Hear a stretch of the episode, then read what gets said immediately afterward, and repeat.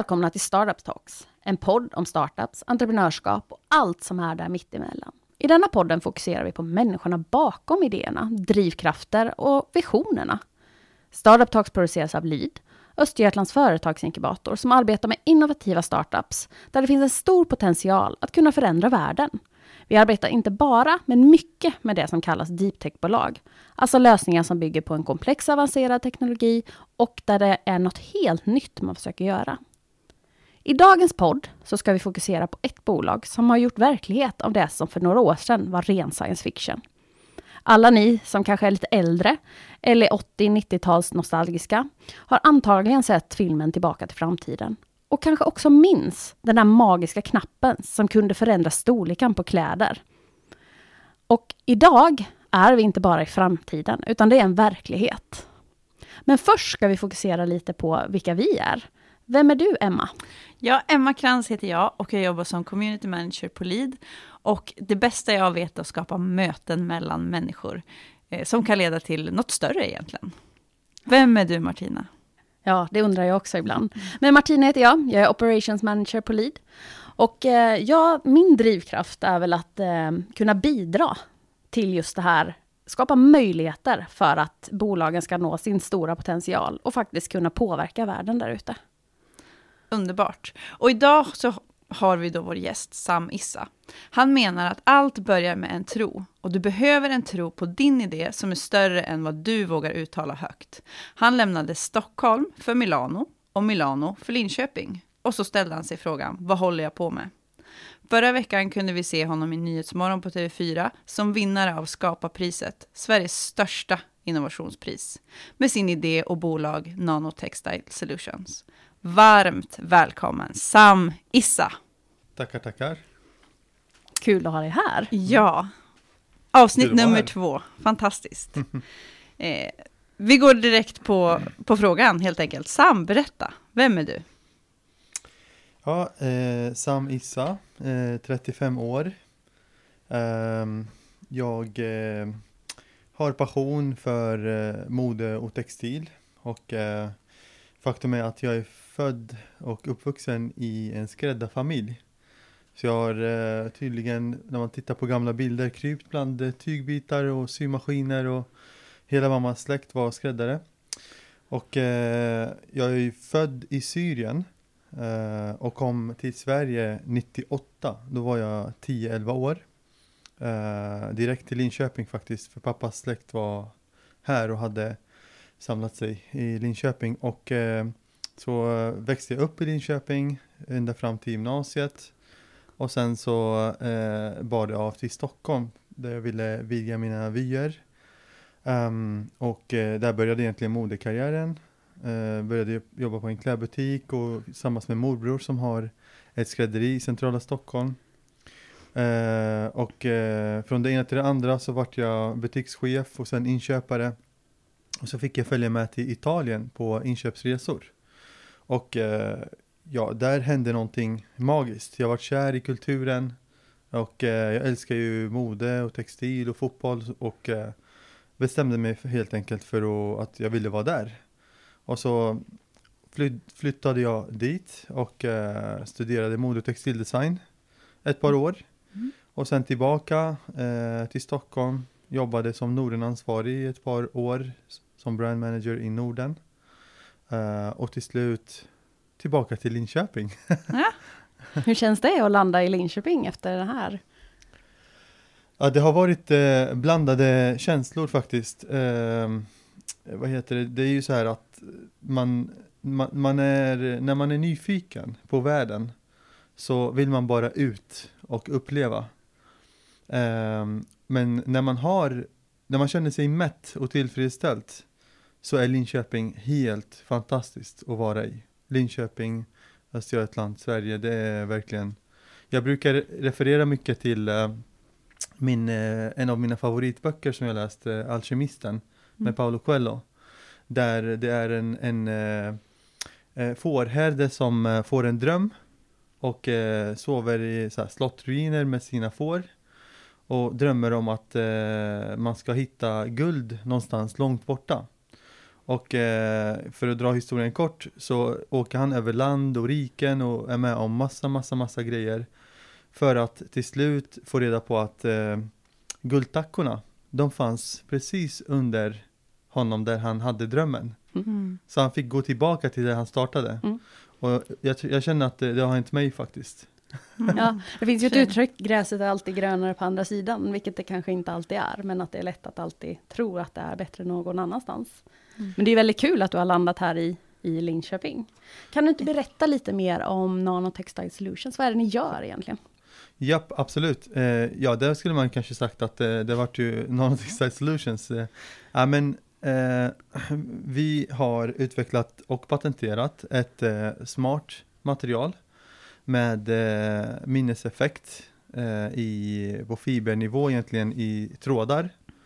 Och eh, de trådarna väver vi på ett speciellt sätt så att eh, det går att manipulera eh, en, eh, en komponent eller ett, ett stycke ty- tyg kan man säga att förändras till större och mindre storlekar on demand. Så man trycker på en knapp och kan ändra till sin perfekta passform och sen låser man där. Och eh, efter ett tag kan man göra om eh, samma sak om man vill ändra. Om man har, gått, om man har ätit lite god julmat kan man säga. Då kanske man vill eh, expandera lite på byxorna. Eller om man är trött på det där plagget och vill sälja det vidare till någon annan. Då kan man trycka på den där knappen och eh, eh, produkten kommer nästa person garanteras perfekt passform igen. Så X small, small, medium, large i ett och samma plagg? Ja, vi, vi tittar nu på hur många storlekar ska vi spänna över, men säg Mm. tre storlekar i alla fall. Det är tillräckligt bra Mm. till en start. Och det låter ju, jag refererade lite tidigare till 80-talsfilmen Tillbaka till framtiden, men, och nu är vi ju i framtiden, Mm. för 80-talet är ganska långt borta, men eh, det låter fortfarande i nutid som lite science fiction. Too good to be true. Ja, det är faktiskt den reaktionen jag brukar få när jag pratar med företag, säg första gången. Mm. Och så eh, presenterar jag min idé och pratar med innovationschefen kanske. Det är ju skeptiskt. Jag, jag hör och, och förstår att de inser att ah, det är lite skeptiskt. Ja, men är det verkligen så? Sen eh, brukar jag säga seeing is believing. Mm. Då, då är jag tvungen att demonstrera för att man ska tro på det. Men ska vi ta tillbaka det lite till din idé? För du Ja. hade en tydlig bild om vad du ville uppnå och skapa egentligen. Hur liksom började det? Hur kom idén till dig? Ja, det är eh, en lång story som vi ska försöka göra short. Mm. Eh, men eh, jag har alltid eh, på något sätt haft barnasinnet inom mig och har det fortfarande. Mm. Eh, jag vet inte, i min hjärna så flyger stolar omkring när jag tittar och det är fantasifullt verkligen. Mm. Eh, och eh, har alltid tänkt på hur man kan göra saker bättre. Mm. Eh, och, och jag, eh, när jag flyttade till Stockholm så var det väldigt mycket så här att man, man insåg att teknikutvecklingen pågår ju överallt. Men när vi väl kom till mode, som jag jobbade inom, så var det alltid lika traditionellt. Mm. Det var kanske trenden som ändrades, färgerna, Mm. eh, mönstren, jada jada. Men that's it. Mm. Kläder var för, till för att man skulle eh, täcka sig, se bra ut, skydda sig från värme och så. Men, och, och, och jag drömde verkligen om att eh, kan man inte få till en funktion på något sätt? Mm. Och, och i början var det ju så här jättekonstigt eh, i folks öron. Typ så här, ja men eh, nej det går inte, haha, du vet. Men sen eh, så brukar jag alltid så här, eh, jag har så många olika idéer hela tiden. Och jag eh, har lärt mig nu att jag låter en idé komma och gå och vandra vidare utan att jag ger den någon större energi. Men om en idé dyker upp, upp i mitt huvud eller i min hjärna om och om igen, då är jag tvungen att plocka den bollen och göra något åt det. Mm. Antingen så dumpar jag det för gott efter att ha gjort studier om, det, om vad det handlar om, eller så kör jag på det. Och många gånger har det varit att man, ja ah, men det här gick inte, vi dumpar det för gott. Men den här idén med nanotextile, den lyfte till slut. Mm. Hur många idéer skulle du säga att du processar, liksom? Innan du hittade den här idén som du ändå bygger vidare på? Ja, alltså det är ju man går, hundratals, men, eh, men att man plockade upp kanske de här bollarna som jag säger, som Mm. var återkommande, säg en mellan 10 till 20 stycken olika. Hur känns det att kasta bollar? Hur mycket energi lägger du på en boll? Jättemycket. Alltså det tar upp nästan allt. Så, så till slut så har jag lärt mig att man ska försöka hålla det för sig själv så inte Mm. folk tröttnar runt omkring sig. Men eh, så jag har lärt mig att man, man gör de studierna eh, lite lugnt och, och dolt. Mm. Och eh, så säger man bara saker när det behövs. Ja. Men vad var det som gjorde då liksom? Var det något speciellt tillfälle eller någon, något skede som gjorde att du verkligen satsade på den här bollen, tänker jag på? Ja, alltså jag- kommer specifikt ihåg eh, ett tillfälle, det var en, en magisk kväll, eh, 2012 omkring där, det var nästan tio år sedan. Då bodde jag i Stockholm eh, och eh, jag vet inte, jag hade så här en feeling efter jobbet att jag var, ville hem och vara kreativ. Jag öppnade upp en vinflaska som jag brukar säga när jag vill eh, lyssna på eh, någon sorts musik och så. Och eh, den kvällen så jag, ha, jag hade en lampa precis utanför mitt fönster. Och, och det fönstret kunde man öppna eh, uppåt om du förstår, inte utåt Mm. utan man kunde vrida den uppåt. Ja. Eh, så när det regnade utanpå så rann ju vattnet ner för fönstret och så speglade sig lampan över min tröja. Mm. Jag hade en eh, här, mörkblå eh, t-shirt på mig. Mm. Och så speglade den sig precis på min tröja. Så att det, det blev liksom rörligt mönster på min tröja i och med att eh, vattnet rann ner och man såg det tydligt som ett mönster. Och jag stod där, jag vet inte om jag hade druckit några glas vin eller någonting. och jag bara fick gåshud bara, Ja. vad är det som händer? Jag tittade på min tröja alltså i en kvart och kunde inte sluta. Mm. Och, eh, och när jag vaknade så var det så här som att man hade fått en uppenbarelse på något sätt. Att nej, det här är min grej, jag måste göra det här. Jag måste fortsätta. Eh, Mm. Och sen så började det där med bollarna, att vad är det som man ska göra egentligen? Mm. Och så vidare och så vidare. Mm. Och eh, ja, nu är vi här, det blev Nanotextile Solutions. Fantastiskt. Men eh, ja, hur, för det låter ju som du är en väldigt kreativ person. Men nu är det ju liksom realisering. Liksom. Hur funkar det? Är det fortfarande bollar som flyger runt eller är det fokus nu? Eh, det är fokus, men, men, eh, men det är en, en startup vi driver. Så att eh, man måste vara kreativ. Man måste vara kreativ när man driver en startup för att det finns inga, det finns ingen facit på hur man gör. Det finns ingen, eh, vad ska man säga, eh, inga recept på hur man lyckas här. Varje företag är ju unik och varje marknad, så att jag menar, för mig har det varit så här att okej, men vi har i alla fall, vi har inget in var man ska fokusera, men där inne i ramen så får man vara kreativ. Till exempel så har vi ju jobbat otroligt mycket med att när vi fick eh, proof of concept på tekniken, Mm. ja, då var det ju dags att kommersialisera den. Och eh, ja, jobbade väldigt mycket med lead där och eh, faktiskt fick jag lära mig den här vetenskapen nästan att hur kan man hitta och identifiera product market fit, det vill säga en första instegsmarknad där man kan lyfta upp idén. Och, eh, och där har vi gjort flera eh, pilotprojekt som alla har inte lyft. Vi gjorde skyddskläder, eh, förvisso var det väldigt tidigt då, arbetskläder, arbetsbyxor. Ehm, men, men sen ska man ha lite tur också, så jag, jag hade lite tur när vi faktiskt kom in på skomarknaden. Alltså givet att jag är från en skräddarfamilj, har jobbat i skrädderiet med morbror och eh, i Stockholm och varit i, i, i klädbranschen, så tänk, går ju tankarna åt kläder, det vill säga byxor, tröjor, whatever. Och det går ju aldrig åt skohållet. Men jag råkade faktiskt vara hos en skomakare. Och där kom det in en kvinna med ett par ridstövlar och så säger hon, hon var precis framför mig, säger hon, kan du töja ut de här lite grann på skaftet? För de funkar inte på mig längre. Eh, ja, okej, säger han. Och sen så vart jag så nyfiken så jag följde med in och såg hur han gjorde exakt. Han var så snäll och visade mig. Och så sa jag, du, jag tror att jag har en bättre lösning på det här. ja, så att det var ju väldigt kreativt, man eh, vände på varje sten och försöker hitta någonting och sen lite tur på det. Och så landade vi, så att det tog ju liksom tre till sex månader att försöka få till ett samarbete tidigare men jag ringde upp eh, ridstäveltillverkare eh, och här så var det så stort problem att de nappade på idén och inom två veckor hade vi ett projekt påbörjat. Mm. Och då tänkte jag så här, ja det, det måste ju finnas något här. För det går snabbt, inte bara från mitt håll, det finns dragning från andra hållet också. Mm, Det finns ett behov. Det finns ett behov, Ja. exakt. Men, och på det här, du, du är ju en nyfiken och väldigt kreativ person som sagt och vill ju hitta en lösning, det hör man ju. Men vad är det som driver dig i det här? Vad är liksom din inspiration? Vad, vart kommer ditt driv ifrån? Ja, eh, ja alltså eh, man är ju, man är ju i, i eh, en väldigt, eh, vad ska man säga, eh, det, det är konkurrenskraftig eh, bransch.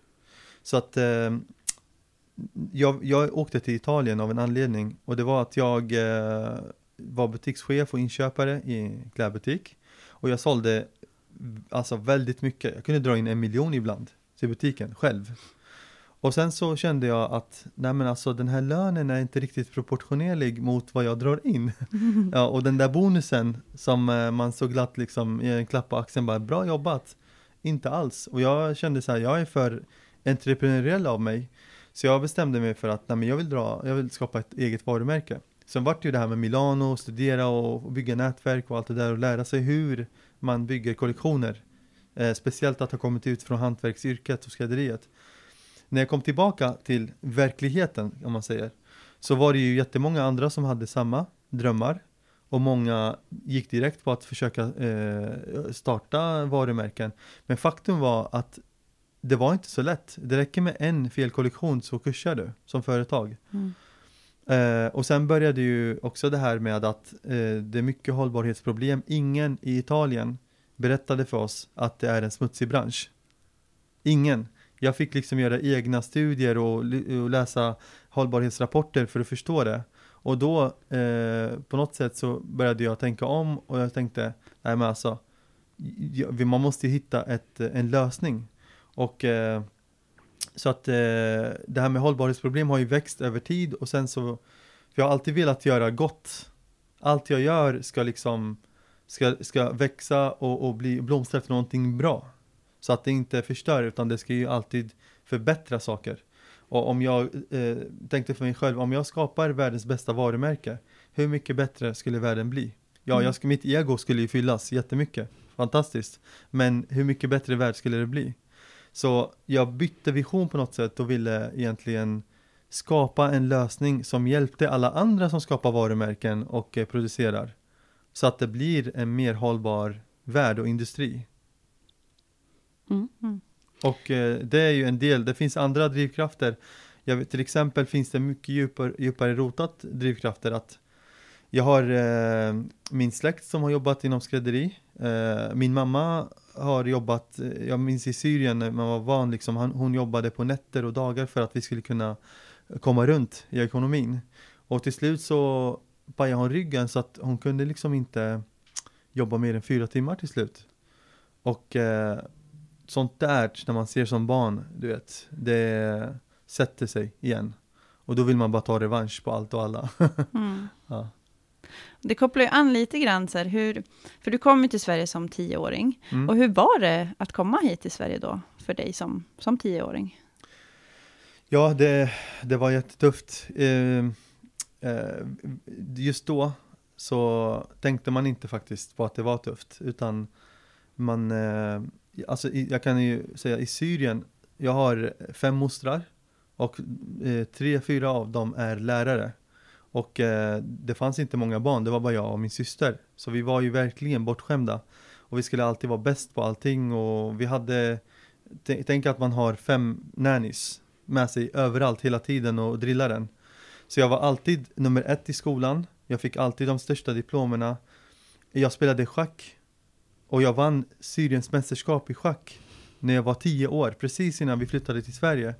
Så uh, fick liksom tidningsartiklar och hit och dit. Och jag var verkligen ett, uh, ja, nu ska man inte säga så om sig själv, men jag, det var, när, när man tänker på det, alltså som tioåring så var det ju helt otroligt att man kunde göra så mycket. Och när man kom till Sverige, då var det helt plötsligt att ja, allt man hade gjort har bara utraderats. Du kunde prata ett språk som ingen förstod i Sverige. Jag tänker att jag pratar svenska med er nu. Det, är ju, alltså det, det har tagit sin tid att komma dit. Så det var tufft eh, att eh, släppa sina vänner, att eh, släppa allt som man hade bakom sig och bara börja om på ett helt nytt kapitel. Och då är man inte smartast i klassen kan jag lova. Mm.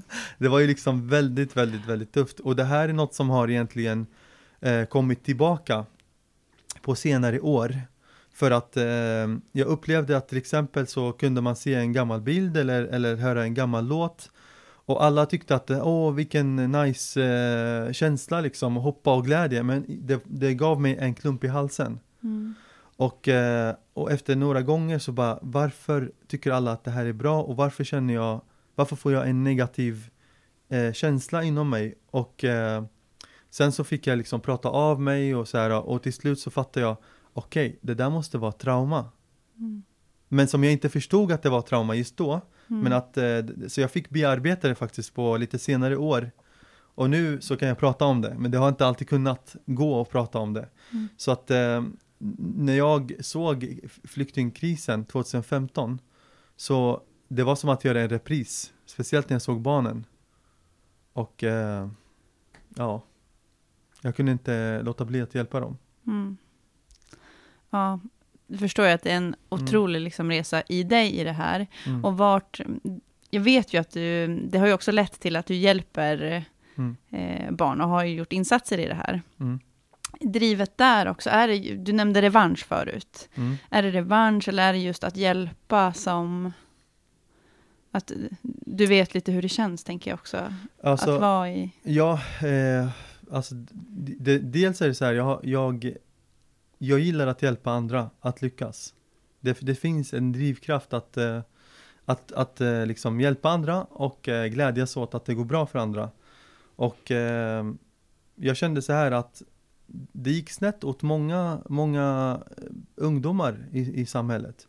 Och jag bara tänkte för mig själv, varför? Alltså jag hade ju mindre chans att lyckas som tioåring, de är födda här. Hur kan det gå så snett?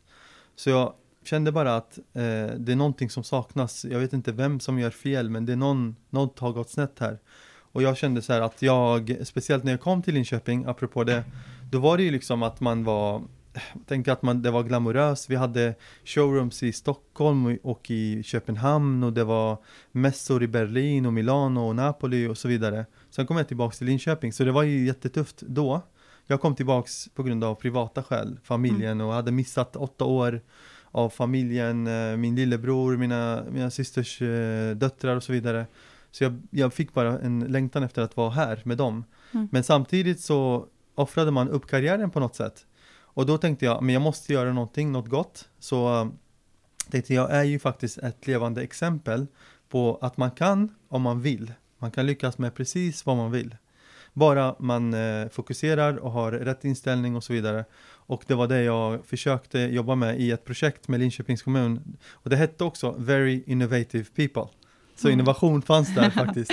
Ja. Mm. Jag tänker lite, du pratar om att hjälpa andra, dels eh, med very innovative people, Mm. men också, du coachar ju också, dels är du ju på LID och coachas eh, Mm. av LID, men du coachar ju också på Nyföretagarcentrum, eller hur? Ja, det gör jag. Eh, när jag kom till Linköping, eh, faktum var att när jag eh, hade varit Nordenansvarig ett, ett, eh, par år, bodde i min resväska, så tröttnade jag på det lite grann. Det var jättelärorikt. Det var avgörande för att jag skulle förstå andra sidan av värdekedjan, marknaden, hur det funkar exakt steg för steg. Men samtidigt tröttnade jag och när jag kom till eh, Linköping så jag, jag försökte egentligen söka mig till olika jobb men eh, det var alldeles för hög konkurrens. För alla andra hade ju ekonomiutbildning och så vidare. Och eh, så tänkte jag, nej men jag måste ha ekonomiutbildning. Och någonstans har jag tänkt så här, jag kommer bli företagsledare, jag kommer vara VD, jag måste förstå den företagstekniska delen. Och då bestämde jag mig för att eh, studera till företagsekonomi.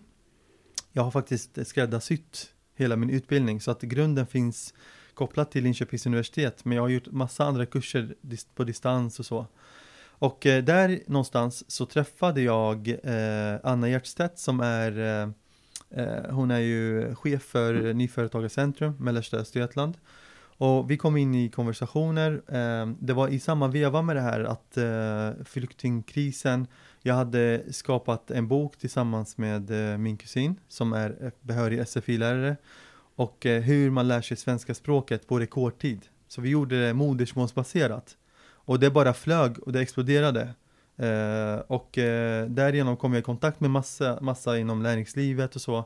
Och när jag pratade med Anna så sa hon att eh, du kan ju flera språk och du har det där i dig. Och just nu så kan vi inte komma åt den målgruppen som du kan nå. Så att då började vi, då började jag jobba som rådgivare och så har jag gjort det sedan 2018 typ. Och, eh, och där känner jag att nu har jag försökt hjälpa barnen men jag kan även hjälpa ja, de vuxna också att kunna förverkliga sina idéer. Och där är det verkligen, det är jätteroligt att höra på allas drömmar och Alltså man har kommit till Sverige för att bygga ett nytt liv. Man har inte kommit hit för att ligga på latsidan. Mm. Och eh, det finns så mycket, mycket kraft där som vi kan förvalta och göra något bra av i Sverige. Det vill jag jättegärna vara med och eh, ja, bidra till. Mm. Mm.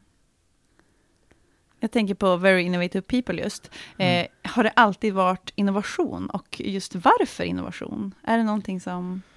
Ja, eh, alltså om man, om man definierar innovation, så typ Nova är ju på italienska nytt. Eh, det är ju att man gör saker fast på ett nytt sätt. Man behöver inte, det finns ju skillnad på invention och innovation, men innovation är att man gör saker på ett nytt sätt lite bättre. Och det var ju liksom grunden i, egentligen så satt jag och tänkte på namn och innovation var ett ledord. Och sen så pratade jag med de ungdomarna och det var mycket snack om VIP, VIP, VIP. Man skulle vara VIP överallt, man skulle komma in på klubben och hit och dit. Och så tänkte jag, men om vi använder VIP, det är very important person, men vi bara byter ut det till very innovative people istället. Så kan vi liksom försöka, till och med namnet, innovera.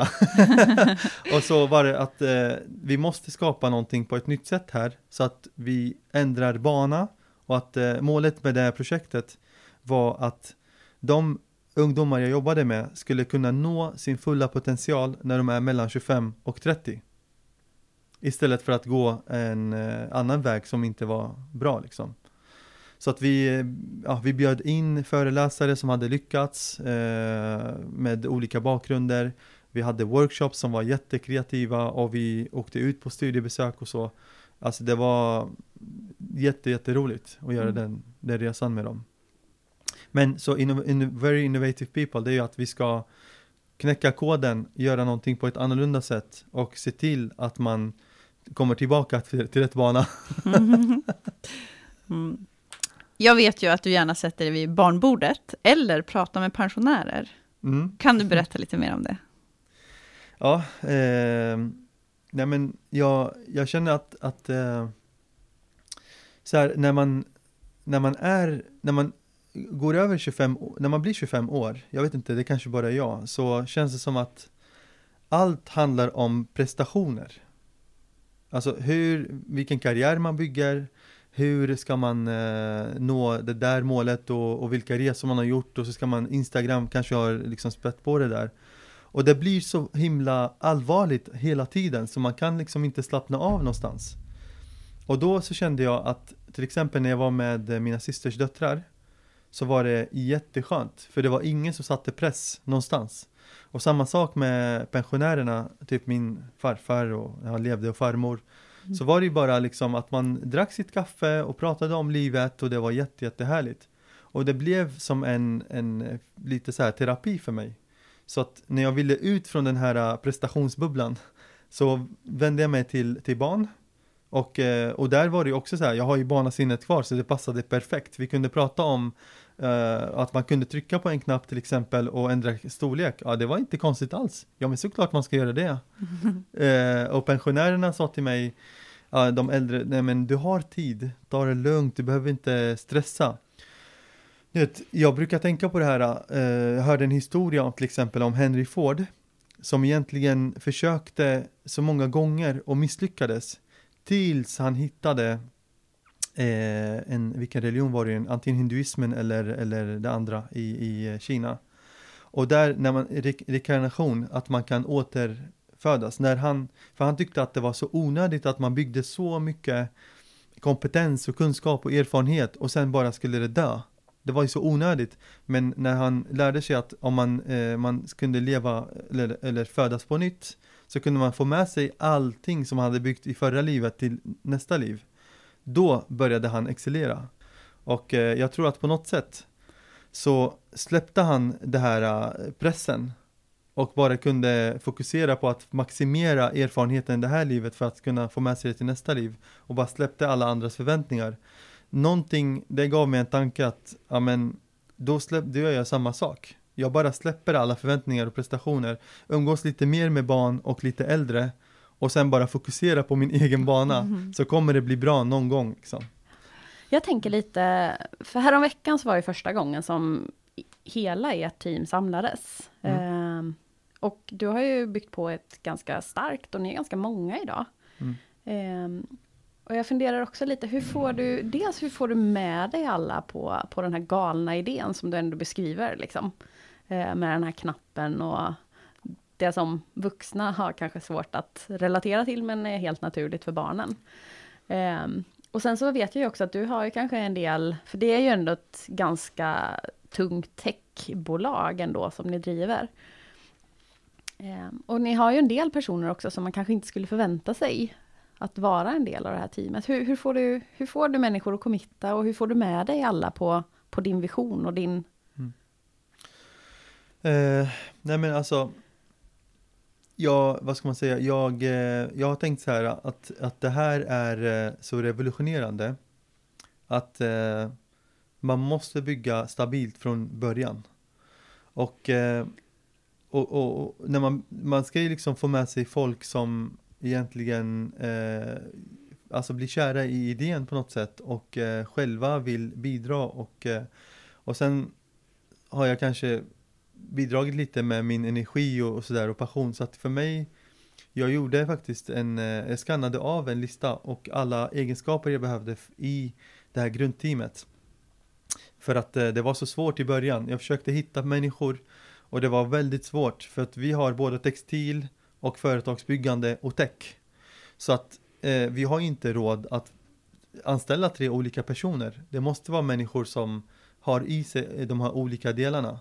Och då började jag egentligen, jag började kolla lite så här runt i Sverige för i, i Linköping kan man hitta fantastiskt duktiga människor på företagssidan och eh, bygga bolag och så. Men ofta saknar man det här textil eh, värdekedjekunskapen som är så otroligt viktig. Sen finns ju vi även eh, saminkuberade med Borås och där eh, kan man hitta folk som kan allt om textil Eh, men kanske saknar den här företagssidan. Nu har inte jag pratat med alla, det finns ju folk som kan bygga företag i Borås såklart.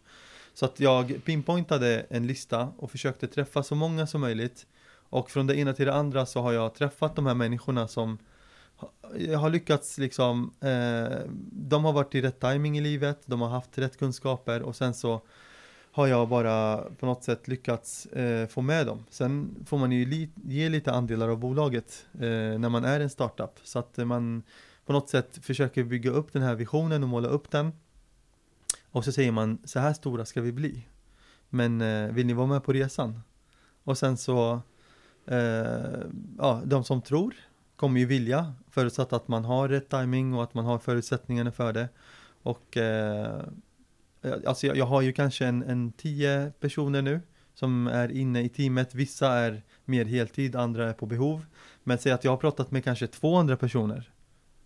Så det har tagit mer än ett år att komma dit.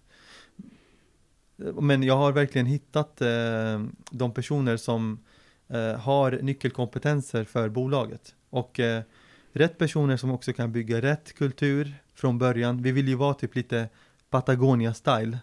Så att man är här för att man älskar jobbet, för att man vill bidra och göra en bättre värld och det är liksom nyckel, allt, den filosofin finns i alla människor som på något sätt joinar eh, Nanotextile Solutions. Mm, mm. För att kunna bygga ett globalt bolag.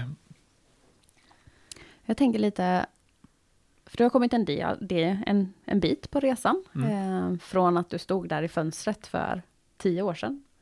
Eh, vad skulle dina tips vara Eh, till andra som står där i, i fönstret idag, liksom, innan man börjar?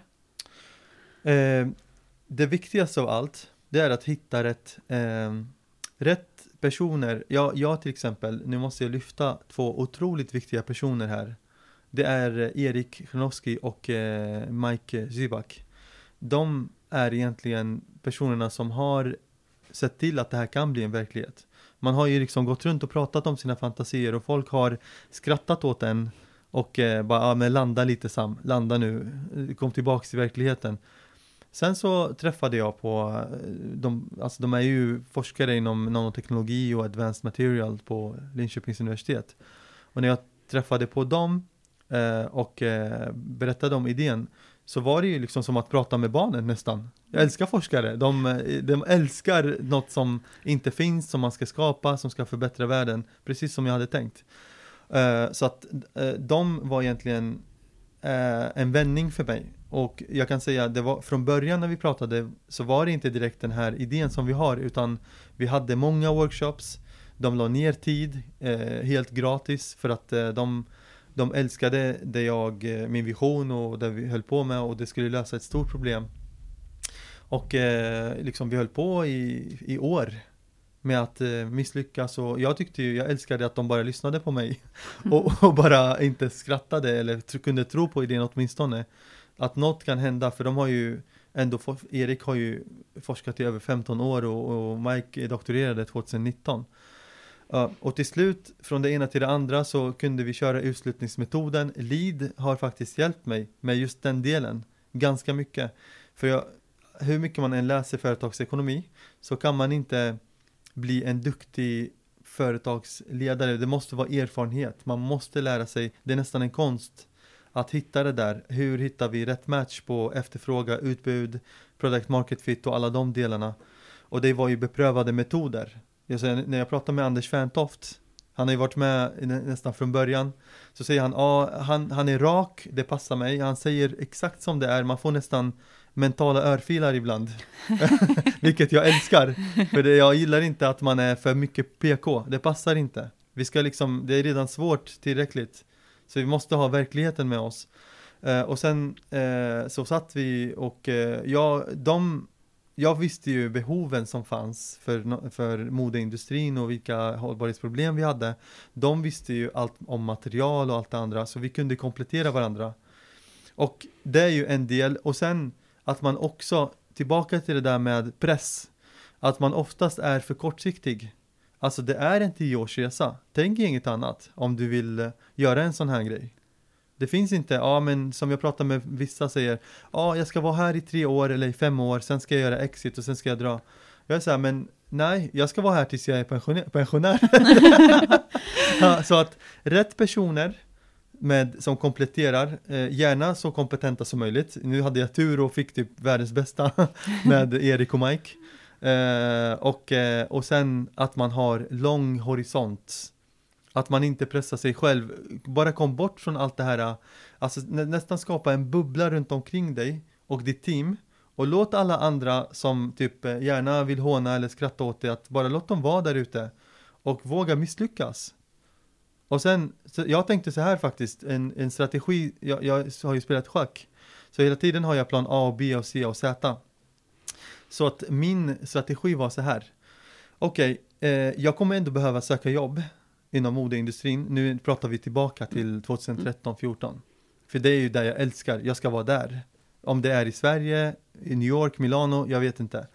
Men och så tänkte jag, om jag går all in på den här idén och så intervjuar jag och försöker prata med så många bolag som det bara går.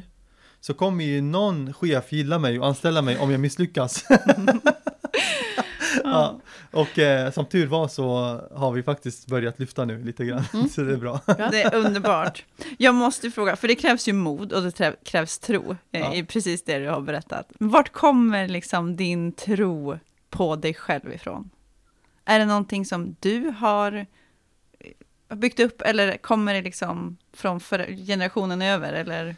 Ja, alltså eh, om man säger så här, eh, jag kommer från väldigt eh, speciella förhållanden. Min familj har varit politiskt förföljd i många, många år. Farfar var en eh, politisk, eh, han var ju ja, eh, emot regimen till och från och så. Och så min pappa till exempel, han är ju växt upp i Bulgarien. För de var tvungna att fly till Bulgarien en stund under, under eh, vad var det, 60-talet då. Och eh, ja, eh, så att på något sätt så finns det där i socialt arv att vi, vi måste stå upp för våra, vad vi står för, våra värderingar och att man måste tro på att även om det är emot alltet, regimen, whatever, det finns något större än att vara emot regimen liksom. Att man måste våga stå upp för vad man tycker och tänker och sina värderingar och sin tro.